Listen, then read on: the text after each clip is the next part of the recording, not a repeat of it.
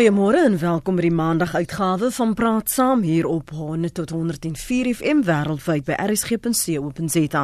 My naam is Lenet Fransis. Suid-Afrika hou asem op terwyl die Amerikaanse Kongres besluit of hulle president Donald Trump se voorgestelde begroting om globale gesondheidsprogramme te besnoei goed gaan keur. Nou besnoeiings kan beteken dat befondsing van Afrika se HIV-programme aansienlik kan afneem. Vanoggend gesels ons met professor Jan de Tooy. Hy is direkteur vir die Afrika Sentrum vir HIV Vigsbestuur aan die Universiteit van Stellenbosch. Goeiemôre professor. Môre Lenet en môre aan al jou luisteraars. En ons gesels ook met Vuyiseka Dubula, sy's 'n HIV aktivis. Good morning Vuyiseka. Morning, good morning to the listeners. Professor skets asseblief vir ons 'n prentjie van Afrika se afhanklikheid op grondvlak vir hierdie tipe befondsing. Ja, Lenet, jy het dit nou baie mooi opgesom, opgesom deur te sê afhanklikheid mense raak afhanklik is goed vir jou as mense vir jou goed begin gee oor al die jare. Ek meen eh, ek kan binne in in die konteks van Afrika natuurlik met mense onthou dis nie net HIV nie. Dis grootendeels ook uh, malaria en tuberkulose wat natuurlik in sommige lande in Afrika 'n groter probleem is as as as HIV. Maar binne ons konteks van Suid-Afrika dink ek is as as ons geld net beter bestuur word dan is mense nie so afhanklik van hierdie soort van tipe befondsing nie. Uh, ek dink die groter bekommernis vir die wêreld is die feit dat die, die sny op die begroting gaan ook uh, die, 'n effek hê op die bydrae van die Amerikaanse regering tot die sogenaamde Global Fund vir TB en malaria. Uh, want dit gaan as dit gaan verminder, dan gaan dit eintlik 'n baie groter impak hê as wat die PEPFAR uh, vermindering gaan wees. Mm.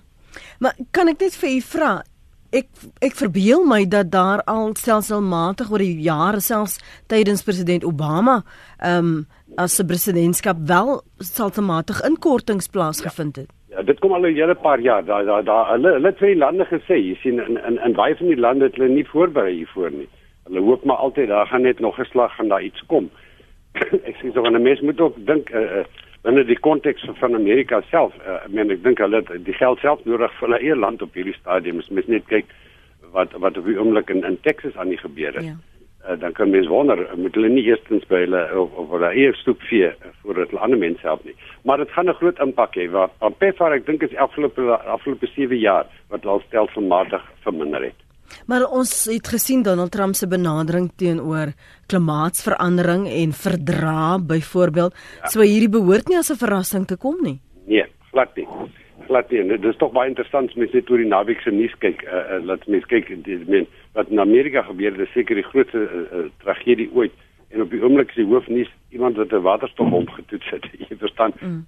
Dis so amper as die mense nie so ernstig oor mense is nie. En ek dink Uh, dit is die probleem binne in die Afrika konteks dat dat jy jy vat geld weg. Uh, uh uh maar die regeringsbestuur dit sleg want wat op die einde van die dag ek sê altyd men, ek dink nie mense gee baie om vir die arme mense nie. Hmm. Maar maar Peter het nie afgelope 6 7 jaar het al reeds die mense gewaarsku en sekere programme is daar reeds gestop wat hulle wat hulle ondersteun het. With all those reductions over time, the past seven years that Professor Yandetwe has referred to, Viyaseka, how has it impacted the work that you do on, on, a, on a ground level, particularly because there are so many dependents on what you provide, the kind of education? Give us a sense of what happens on the ground, please. So, you know, PEPFAR is one of the biggest um, financial contribution to the AIDS response globally, not just in South Africa.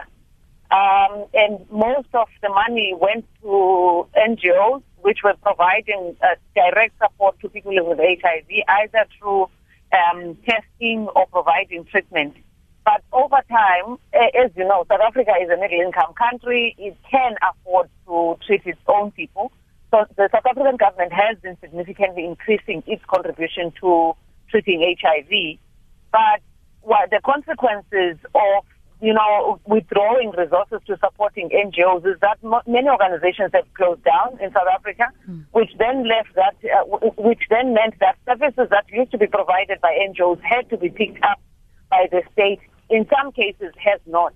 But people who were taking treatment through PEPFAR funded programs had had to be um, absorbed by the state. South Africa is not in a in a in a bad picture when you look at uh, PEPFAR.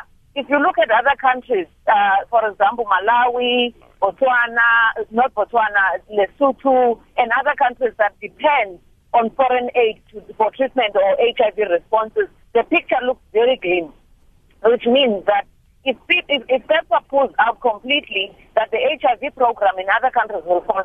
We've seen what it has done in South Africa in terms of the money that went to NGOs, that NGOs had, had to close, services are not provided. We're not doing as much as we should in terms of, you know, mass education of people around prevention and treatment because there are resources to do that.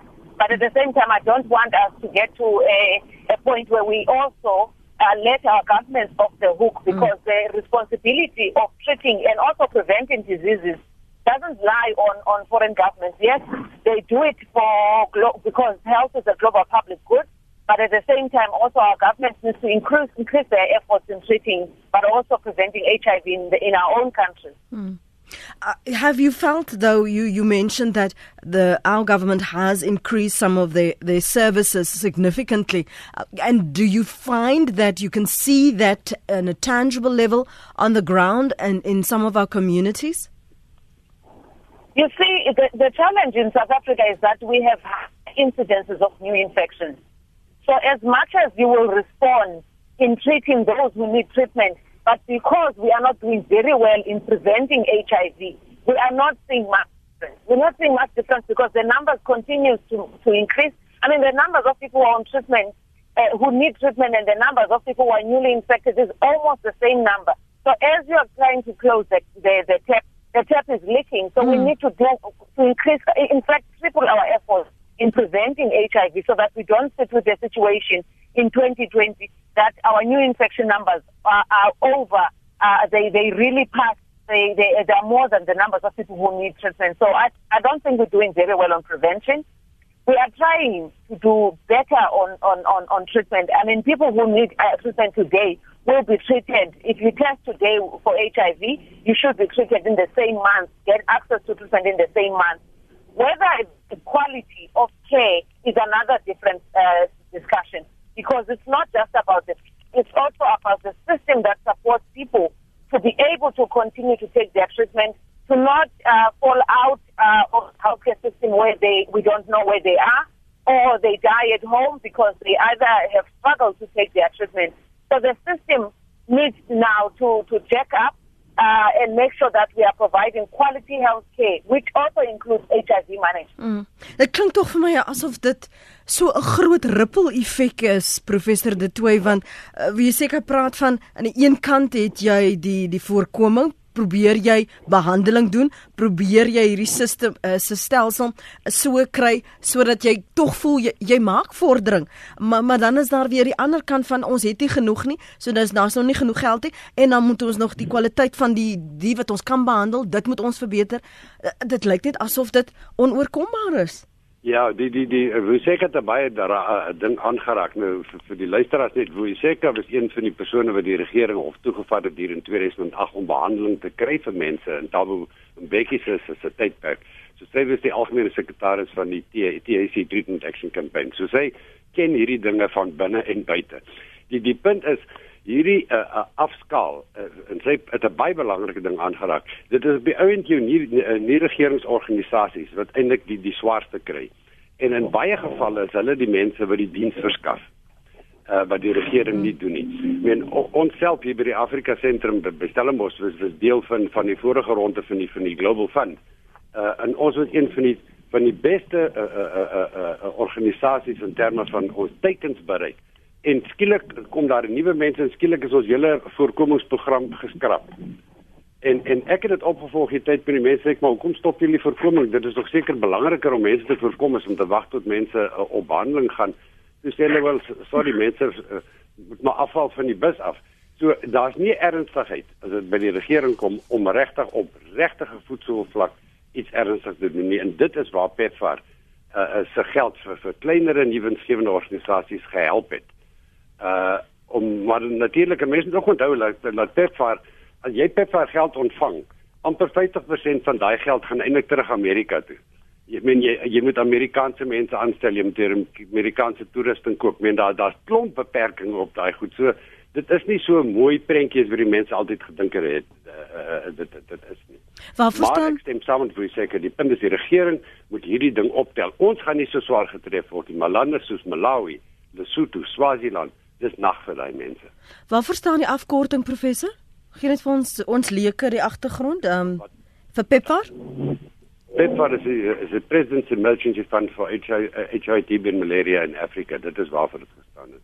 Baie dankie. Wie seker what adjustments did a lot of these NGOs have to make when we saw those initial uh, reductions about 7 plus years ago? Well, there isn't much adjustment to be made uh, because when you look at how much goes to NGOs in terms of support to people with HIV, in terms of resources in South Africa, it's very, very small and the pool of, of funders that we used to rely on. Uh, if I can just mention a few, for example, the the the UK uh, fund that used to be available, DFID that used to be available in South Africa, had to move. They moved to lower income countries. They no longer are, are supporting uh, NGOs here. So at the time when it pulled out, PEPFAR pulled out, we were already faced with very, uh, I mean, with financial constraints in terms of where can we go and get more money to support uh, the work that we were doing. So organizations eventually had to close down. Um, and those that didn't close down uh, are now surviving, uh, surviving on a very, very small budget. So they had to scale back uh, a lot of the activities. Uh, some of them eventually had to close down over time. When you look at this, these pool of funders, what are their requirements? What's in it for them if you say they've moved a lot of them to lower income countries? Is it because it's not feasible? Because it doesn't look so uh, glamorous uh, on their yeah, annual reports? What are their requirements? And uh, no, but you know that is a fact. Um, very often people do it because they want to look good and not because they believe in the yeah. cause. Yeah. No, I, I think that most don't believe in the cause yes, there are challenges with in terms of some donors' requirements, and, and, and that not all organizations are coming at the same level in terms of having all the systems in place. But at the end of the day, they do good work. Organizations do good work on the ground, and we can build that capacity in terms of systems over time. But I think the, the, the, the critical question is if you have countries that are very, very poor economically, and you have countries such as Botswana and South Africa who have high HIV prevalences, but at the same time are much are, in a much better position financially and economically than other countries. What do you do? And I think uh, uh, uh, foreign governments decided that they need to increase their support to countries that are struggling economically, uh, but at the same time help them to to at least respond adequately to the HIV, to their own HIV prevalences. So that decision was made. I think if we look at, you know, uh, what, what would you do in that case? I would, I would say that I, I don't think it was a bad decision to move to countries that didn't have resources. But if you look at South Africa, even though it's called it's an in, in, in, it's a middle income country, there's a lot of inequalities in South Africa. South Africa is one of the top countries in terms of social inequalities. So we know that those resources that we are judged against, uh, that we are, you know, uh, ranked as a middle income country, are not resources that are shared. It's not resources that sit where they need to be supporting. For example, why do we have a public health system that continues to struggle to support almost 80% of the poor population? It's because those resources are skewed. Resources are mostly clustered uh, in, in, private, in the private sector or private healthcare, hmm. not just financial resources. It's also human resources. It's also infrastructure and, and the private healthcare provides only a small number of, it's, it's a small population level, like, you know, about 16% of the population receives oversupply of healthcare services compared to 80% of the population. So that's other things that South Africa needs to readjust and say we need a public health system that provides adequate healthcare and equal healthcare to everybody. But, you know, if, if we go back to the issue of resources, the resources we're talking about, it's not just foreign aid, it's also looking at what we have in, in, in South Africa mm. that can be dispersed and be, and be benefit, benefit everybody so that we don't sit to the situation where we, we say, if PEPFAR has, has uh, $100, how should it use that $100? Should 60% of the $100 be used in where there, high, there, there is high HIV prevalence and, and, and the middle income country? I think no. Countries that are middle income countries must look at their own resources internally mm. and how they can adequately use those resources to benefit the, the poorest of the poor. And then where there are no resources, we need to pump up resources in countries where there are no resources. Mm. So vir te lank het ons hierdie uh, bakhandhouding te, te gehandhaaf professor want want nou druk wil jy sê ka 'n vinger op 'n ander sensitiewe area en dit is lande wat in staat is om vir hulle mense te sorg veral ja. wat dit betref gesondheidsorg. Ja, jy weet dit is tog interessant. Ons het nogal baie uh, dokters op, op ons akademiese program in in in byvoorbeeld 'n land soos Botswana het op hierdie stadium 'n groter probleem met malaria as met met, met NVC. Uh uh en, en net as mens kyk in terme van as jy gaan kyk wat daai regering doen. Uh is is dit merkwaardig, maar maar okay, kom hier by ons, ons het afhanklik geword en dit is mense raak so gou afhanklik uh, van van van van befondsing en dan kan seker jy geld na die verkeerde plekke toe. Ek kan byvoorbeeld noem, sit 'n sit 'n nuwe insgewende organisasie in ons gebou wat die kerksektor verteenwoordig.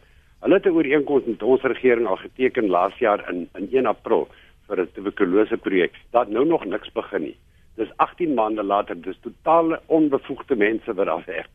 En en en, en dan kan 'n mens vra, men ek sou ook as ek 'n fonds het sê, maar ek gaan nie julle werk nie want want want julle julle julle julle lewer nie wat julle moet doen nie.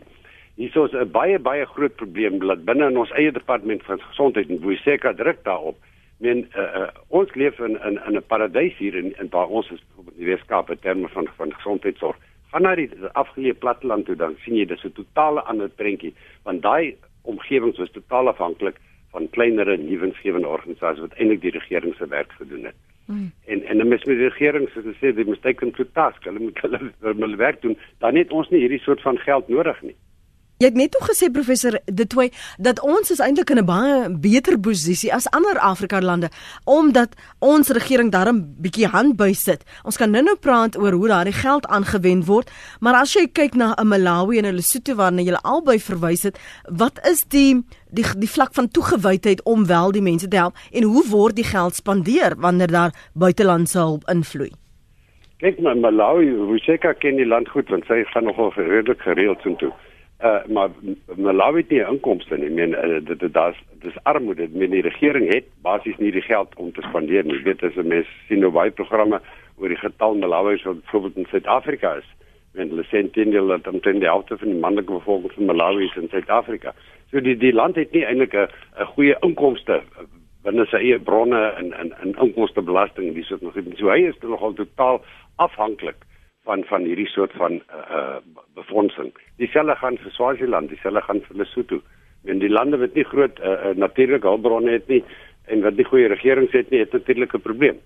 Uh maar dit dit strek verder. Men ek het studente byvoorbeeld in die voorkus wat vir die presies dieselfde prentjie skets, men waar daar waar daar oorlog was vir baie jare uh uh burgeroorlog uh en en die regerings is net nie by magte om hierdie gedoen nie. Maar terug tot Malawi, Malawi, Malawi is 'n baie arm land maar die die die nuwensgewende organisasies wat daar werk doen uitstekende werk met hulle die geld kry. So hulle is die ouens wat nou die meeste gaan gaan swaar kry, maar hoe seker dat ding aangeraak. So 'n paar jaar terug, ek dink dit is so 4, 5, 5 jaar terug, het befondsers al gesê Suid-Afrika is nou 'n middelinkomste land, so ons val nie meer onder onder onder onder eksterne befondsing nie.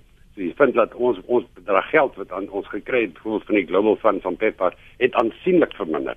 En ek dink mens moet 'n ander ding byvoeg ook dat dat dat dat dat jy vind baie vind van hierdie so PEPFAR geld spesifiek. Byvoorbeeld as jy met PEPFAR geld gewerk het, mag jy byvoorbeeld nie kondome versprei het nie. En daar's klomp beperkings wat wat hierdie donateurs op jou plaas en natuurlik klomp van hierdie donateurs in PEPFAR is een van hulle dryf hulle eie agenda wat wat eintlik 'n bietjie gaan oor oor bemarking vir die vir die vir die organisasie. Maar Malawi is 'n land met 'n probleem. So, so what? Where does that leave a country like Malawi and and Lesotho, for example? Because if we say that we can still survive, uh, we're just going to have to accept, via SECA, that there's going to be an increase of deaths and mortality. No, no, no, no, no, no. I, I don't think we should accept that. We should continue to push back on the American government to really think of the consequences of of, of reducing their their support, their global contribution to the AIDS response. So that that is that's one thing that we can do. But I also I think for countries like Malawi, this is a serious threat it's a threat to people's lives. That you know the drugs that people used to get, medication that people used to get, is not. It, it, in some cases, it might not be available. So it's also the responsibility of the Malawi government to see where in their own budgets can they reallocate some of that money to towards HIV, which is a, another discussion for another day. So I don't think, uh, even when the, the cuts began in South Africa uh, a few years back, there, there wasn't an, an, an, immediate acceptance of that cut. There was also resistance within the within the U.S. Some of the AIDS activists in the U.S. went to challenge uh, Congress on the decision. Do they realize the consequence of their decision? And in some cases in South Africa, then there was at least a phased out approach instead of an abrupt uh, stop of the of, of, of PEPFAR there was a phasing process that had to take into consideration when are we ready for, for these cuts and how are we going to phase the cuts so that it's not cuts that are happening all of them at the same time. And what will continue uh, in terms of uh, uh, support uh, after the cuts have begun so that they too realize the impact of this of this cuts.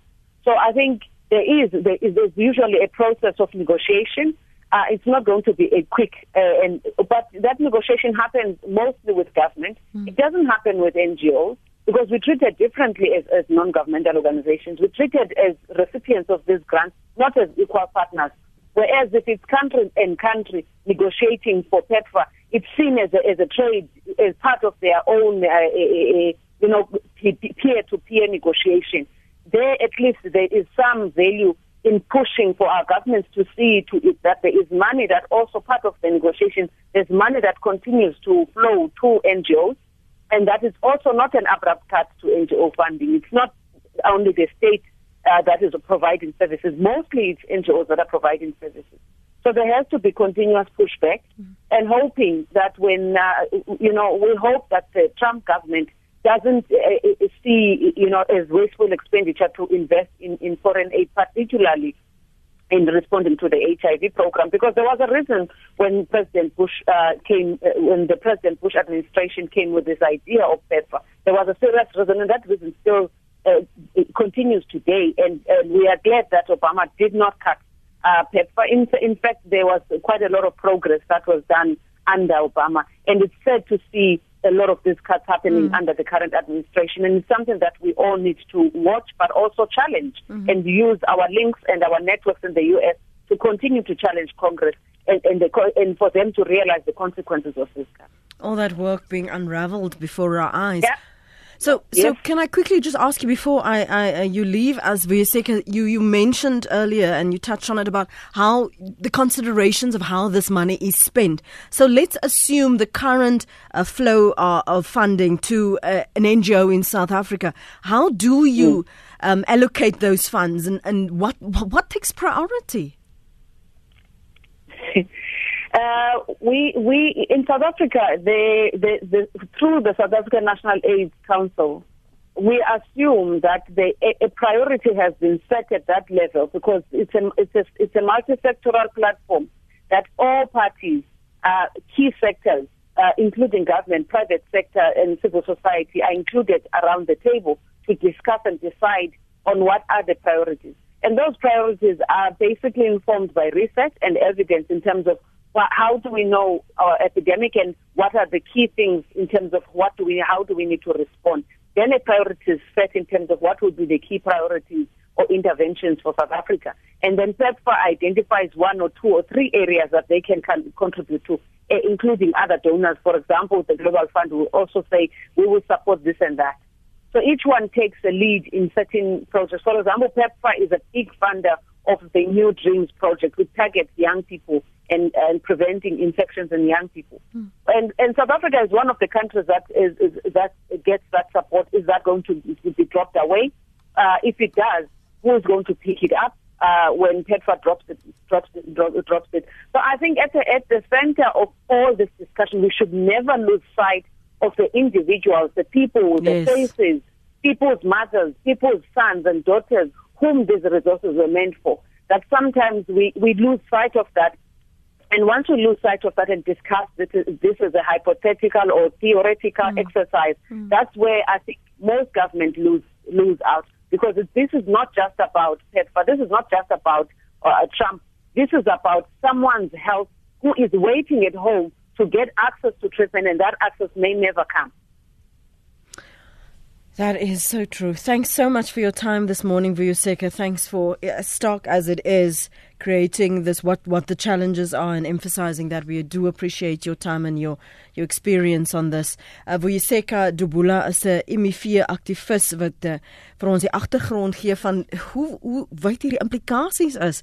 Um dis oorweldigend om te dink dat soveel soveel organisasies daardeur geraak word, maar wat sy beklemtoon en ek dink dit is tog wat ons soms uit die oog verloor professor, is dat elke mens wat 'n ontvanger is, is 'n gesig, is iemand wat afhanklik is vir daai bietjie geld, is afhanklik is van medisyne om net beter te voel, gesond te word of saam te leef met met HIV.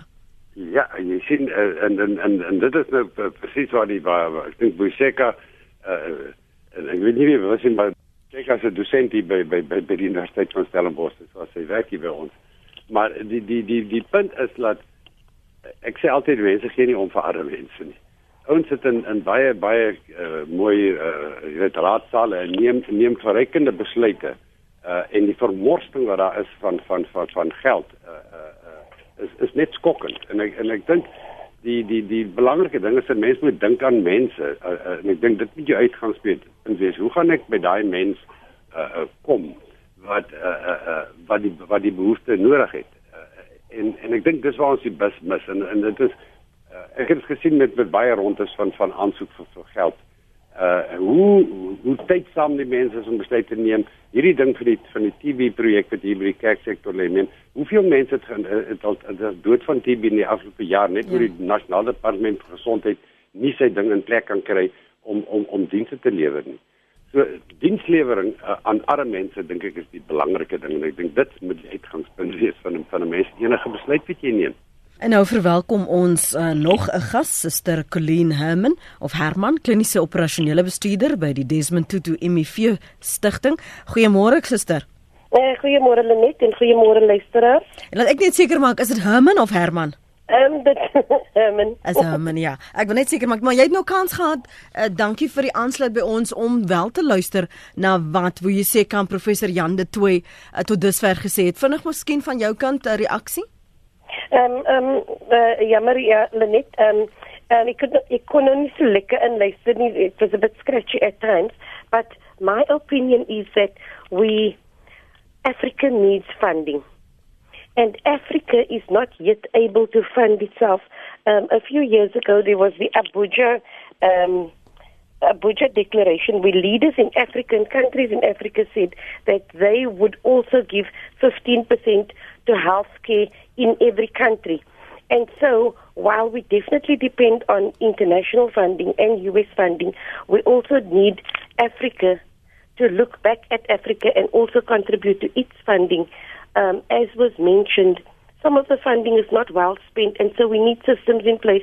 We need um, uh, quality programs, quality data in place, and so we need to look internally as well as externally. As jy hoor dat professor De Tooy dit gesê en ek haal hom nou gou weer aan. Hy sê mm. mense gee nie om vir ander mense nie. Is mm. dit waaroor dit gaan? Dit gaan dit oor ek het die geld, so ek kan maar mors en speel en toutjies trek want ek het die geld en jy soek dit? Ehm um, ek dink ons kom tot 'n punt en miskien ehm um, ehm um, uh individu en miskien um, um, uh, corporate and and governments as well where people say let me see let me see to myself first and maybe the selfish approach where they will want to hold on to their own funding and not en nie omgee vir ander mense ander mense nie soos prof sê. Um and hang on to their own funding that is definitely that could be at play. Um but the crucial part I started out by saying Africa needs to take care of Africa but also the crucial part is we do need assistance. We are at we we're trying to work towards 90 90 90 where 90% of infected people know their status. 90% of people who know their status get onto treatment, and 90% of those are virally suppressed. And as a result of that, we need to sustain the efforts, and it cannot only come from us, it needs to come from international donors and etc. etc. Mm. So if the funding is cut, we could then see an escalation in HIV, escalation in TB, in, in the rest of Africa, in malaria. Um, so we would end up in dire states, I think.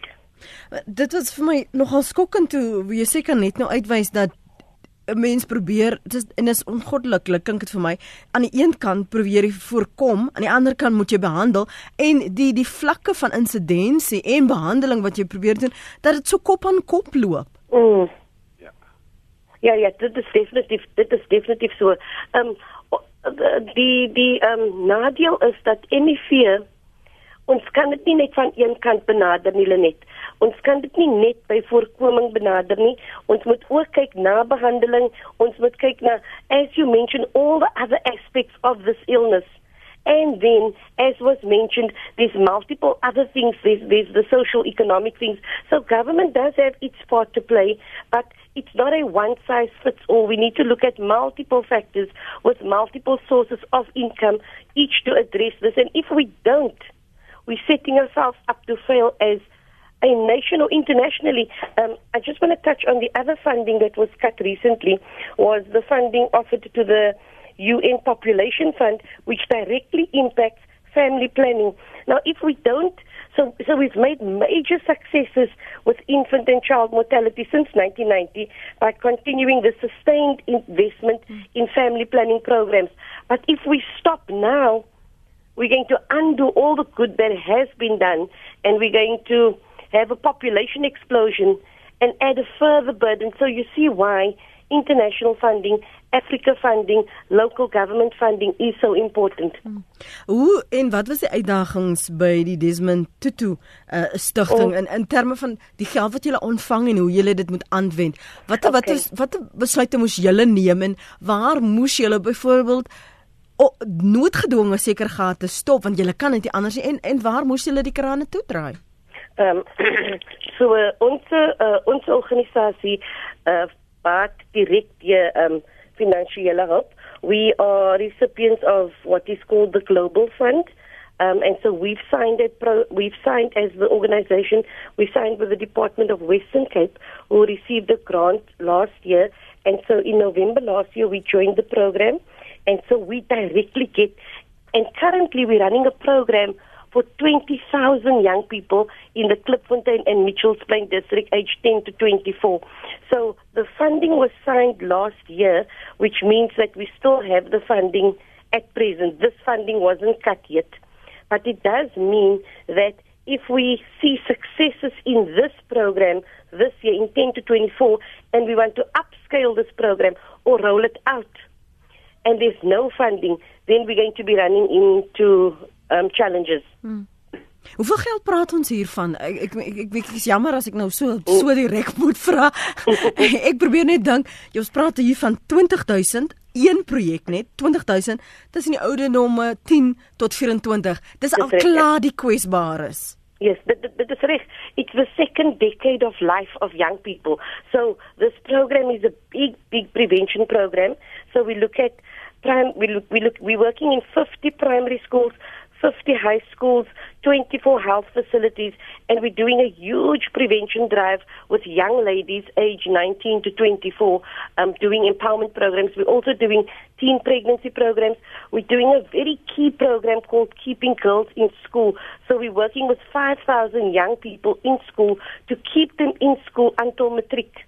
Once they matriculate, we realize that being in school till matric is HIV protective for young ladies. And in as much as um, male circumcision is for young boys. So you see the direct impact in this one substructure alone. And then once we prove success in one substructure, the plan is to then roll it out to other substructures. So it's such a um, it's such a vital program that we almost I cringe at the thought of not having funding to continue such work in our communities. Dit is wat my my asem wegslaan Colleen want dit het 'n ripple effek. Dit het 'n ripple effek op alles wat dat, wat daai jong mense lewe, sê hulle hulle hulle mortaliteit of hulle Ja. eers hulle onderwys of onderrig sal kan klaarmaak, hulle af uh, moontlikheid om te kan werk kry, om te kan werk en Ja. gesond te wees, om ooit kinders te hê, 'n familielewe, die gemeenskap, die kerk uh, en die staat. Die, jy Ja. kan nie die een van die ander skei nie, professor. Ja, maar ek wil net vir Colleen, jy het vir haar gevra, sy het nie geantwoord nie. Wat wat is hierdie grant werd wat jy kry vir daai 50? Uh, Um um plus die die um hele grant is 85 million. okay, can can you just stop there? 85 million and you reach all those people. Jy bereik al daai mense en en nou kom ons regering betaal vir 'n kontrakteur vir 'n vir 'n konsultant by Eskom 1.4 biljoen rand. Mm, Jy verstaan, eh, ek bedoel Oh. skief dit goed is. Jy kyk met al hierdie geld wat so vermors word, Ja. of absolute sinnelose oefeninge wat 'n verskil ons in mense se lewens kan maak. Ek dink dit is dit is waar die vermorsing nee, is. ek ek ek hoor vir prof definitief. So I agree with Prof Lenet that you know there is a lot of wastage, there is a lot of um negligence, negligent handling of money, there's poor reporting, poor systems in place. And so this is why I'm saying we need to address these things from multiple angles. You you cannot have like in as much as I, I agree that the government messes in so many ways, I also see the good that is happening because this project that we are doing, we're running in partnership with the Western Cape Department of Health, with the local um, substructure and with the National Department of Health. And we form very good partnerships with accountable people at this level on grassroots. We work with the Department of Education because this project touches schools, community, and so we can't do this alone. It, it is a mammoth task, and you need to reach multiple stakeholders. So we need to address this problem problem from different levels. And I'm, I'm almost wanting to say, if I can just clean my backyard and my mm. gedeelte skoon and, and, and sort things out in my neck of the woods for now, and then hopefully have the same funding, prove success here, have the same funding and upscale this program as we go, and then maybe, maybe make small small wins Hoor jy? and and show small successes initially. Ja. Ja, ek nie, ek, ek hoor jou. Ek ek ek is ek is ek is ek is oorweldig deur wat jy sê en dit bring my terug professor en en ons is amper uh, aan die einde van ons gesprek. Dit bring my terug na wat wie Seka gesê het. Ons raak so besig met wat gaan ons doen en hoe gaan ons dit doen en um, ons ons gaan die geld vir dit aanwend en nie vir dit nie en ons beklei en die fokus is op Noord-Korea en daardie bekgevegte oh. en dit het 'n ripple effek en dis waarheen ek terug wil kom want aan die einde van die dag is dit is 'n gesig dis iemand se Ja. lewe Ja. Ja, daai mense wat wat wat wat na jou toe kom en en en en, en wat besig is om dood te gaan. Weet ek gisterand was daar baie goeie rolprent op televisie. Black in America en 'n groot deel daarvan speel af hier in Suid-Afrika en daar kon jy nou gesien het wat die woord wat hulle extreme poverty is. En en en daar kan ek nie met meer meer met Colleen saamstem nie dat wat sy sê dat dit is sosiaal. Daar's 'n groot ding. Ek meen dit help nie net om ou te behandel nie. Jy behandel hom en hy het nie kos om te eet nie. Hy kan nie sy pille drink nie. Dit gaan Oh. oor baie meer as net die pille en, en net die behandeling. Daar's 'n hele sosiale ding wat wat ook in Oh. plek moet kom. En ek stem so met haar saam met wat sy daar sê. Dit is 'n multi-sector approach moet hierdie ding wees en dit is nie net HIV of TB of of malaria nie. So wat gebeur nou? Ehm um, wie seker het net nou genoem dat uh, 'n pushback daar moet teruggestoot word professor. Op watter vlak stoot wie terug? Wel ons moet ons moet die ons moet die ons men die die die die, die organisasie wat TAC was die Student Action Campaign. Ons moet daai tipe organisasies moet kry wat weer sterk aktiviste word wat die wat wat die regering aanvat en en en praat oor die vermorsting. Ek meen dis van die groot befondsers byvoorbeeld in in wat wat geld van die Global Fund kry vir TB wat byvoorbeeld kantore in Century City in die Kaap het. Ek meen dit is mos onnodig om sulke duur geld te spandeer om kantore te hê, jy verstaan. Ek Mense kyk na hulle self en ek dink die prioriteit in reg kom ons het groot aktiviste weer nodig. Dis wat ons nodig het. Oh. Colleen? Ja, ja, ek stem saam met prof. Ek ek ehm um, ek stem ook saam dat baie baie dinge ehm um, uh, baie grond was gewen in die HIV ehm um, ehm um, in the battle against HIV and also in the battle against all these other illnesses with activism groups, with people taking this stand, and so also the how it how it is done. I know currently people feel voiceless, Lynette, and then they end up taking to the streets and toy-toying and violence follows.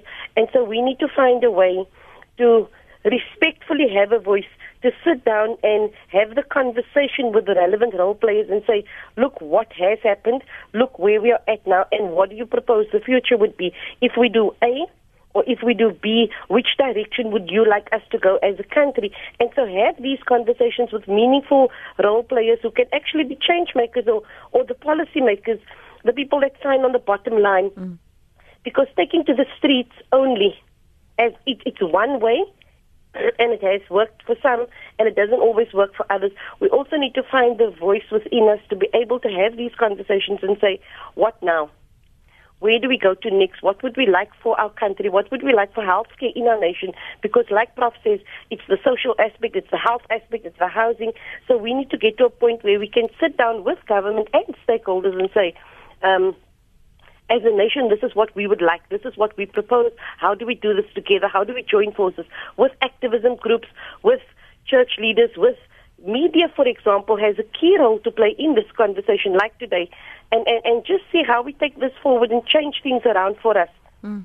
Julle, dis 'n maandagooggend en jy het nou net gesê dat jy weet mense voel hopeloos. So Colleen, voor ek vir jou groet en vir professor Jan De Tooy, gee vir my een projek of of wys vir ons luisteraars waar hierdie tipe befondsing 'n uh, groep mense se lewe verander wat waar dit positief aangewend is.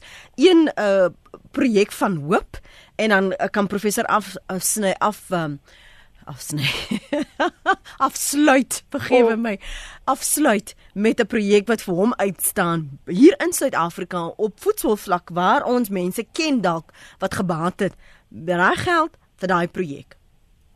Ehm um, so ek ehm um, so omdat ons projek maar eers Januarie die jaar begin het, kan ons nou nog nie op hierdie oomblik uh, na ons program wys en sê look here this was our success because we still very much in the process. We only 7 8 months into the process. But what i want to point out maybe is the um it's the big work done in maternal and child health mortality in our country. And the the work that has been done in these programs to decrease um, um, infant mortality and just promote family planning. And I think as a nation, we've done very well to reduce incidence and prevalence antenatally. And so that was that was international funding that contributed to those programs. And so that is our one big success story in the HIV/AIDS epidemic. Mm. Professor Ja, ja, net ons het oor 'n 8 jaar periode het ek 'n groep mense hierso by ons eie sentrum gehad wat baie suksesvol omtrent al die plase in die Boland area se werkers bereik het en hulle getoets het. Uh, dit is ook buitelandse uh, befondsing. Dit was die Global Fund en sommiges was was ook in Petfar. Uh en 'n absolute wonderlike ding gewees om op hierdie plaas te kom en en en die mense te toets en te sien dat ons het mense opgetel wat op behandeling gegaan het. Ons het byvoorbeeld ek gekom op die berg by 'n plaas op 'n maandag dat ons het vir 43 mense intervensie gehad en 43 mense was HIV positief almal en hulle het nie gebeur voor die tyd nie en ons kon daai mense binne in die Weskaapse stelsel inkry van van behandeling en so en so die daar is wonderlike projekte wat werk. En soos Ed Hart op Stellenbosch wat baie goeie werk doen. Mm. en so daar baie oor die land. Mm. uh, maar dis die klein klein nuwensgewende organisasies dis nie van die groot organisasies kleintjies wat die wat die, die goeie werk doen Baie baie dankie vir julle tyd vanoggend. Dankie Colleen dat jy ook by later vanoggend by ons kon aansluit. Waardeer dit. Dis oh. was uh, Suster Colleen Herman. Sy's 'n kliniese operasionele bestuurder by die Desmond Tutu HIV Stichting. Ons het ook gesels vanoggend met Wuyeseka Dubula. Sy's 'n HIV aktivis en uh, professor Jan de Tooy is direkteur vir die Afrika Sentrum vir HIV vigsbestuur aan die Universiteit van Stellenbosch. Ek wil net vinnig vir julle hier 'n briefie lees van Henry op Paradise nice beach. In Henry the bad part in South Africa most people who are in good stead no worries. They have the mindset I come first and don't worry about the poor. They go to church but when the week comes they go back into their old ways. There are hundreds of organizations um, that need help. They all need money. A lot of companies do help. We can't expect the companies to be milked uh, but we the public should help more. And the government. Also waste. And the poor must be taught to get out of the mindset that I'm poor. I come from a poor family, studied, had good job, good house, lost my job at 42, uh, could not get work because of new BBE laws. Uh, not, so I worked for myself for 26 years, but I'm still struggling. But I never give up my faith in God. The lady Madam Herman speaks sense, skryf Henry. Uh, baie dankie vir julle terugvoer en vir die saampraat. Waardeer uh, julle insigte op hierdie onderwerp.